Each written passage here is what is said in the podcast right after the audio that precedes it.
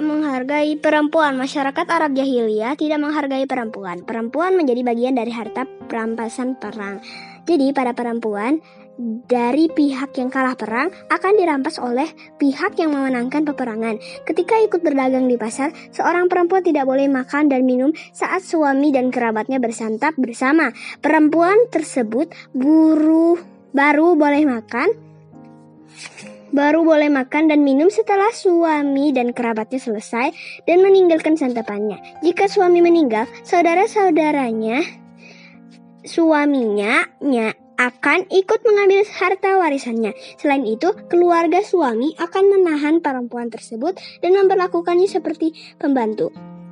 Perlakuan buruk terhadap perempuan membuat masyarakat Arab jahiliyah merasa malu jika dikaruniai oleh di, jika dikaruniai anak perempuan. Mereka akan menyembunyikan anak perempuan mereka dari orang lain dan memeliharanya dianggap hina.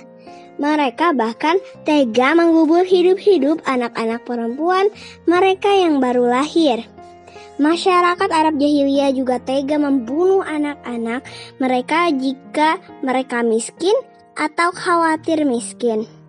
Mereka menganggap anak-anak sebagai beban dan membutuhkan biaya untuk biaya untuk membesarkan mereka, sedangkan anak-anak masih terlalu kecil untuk ikut bekerja mencari nafkah.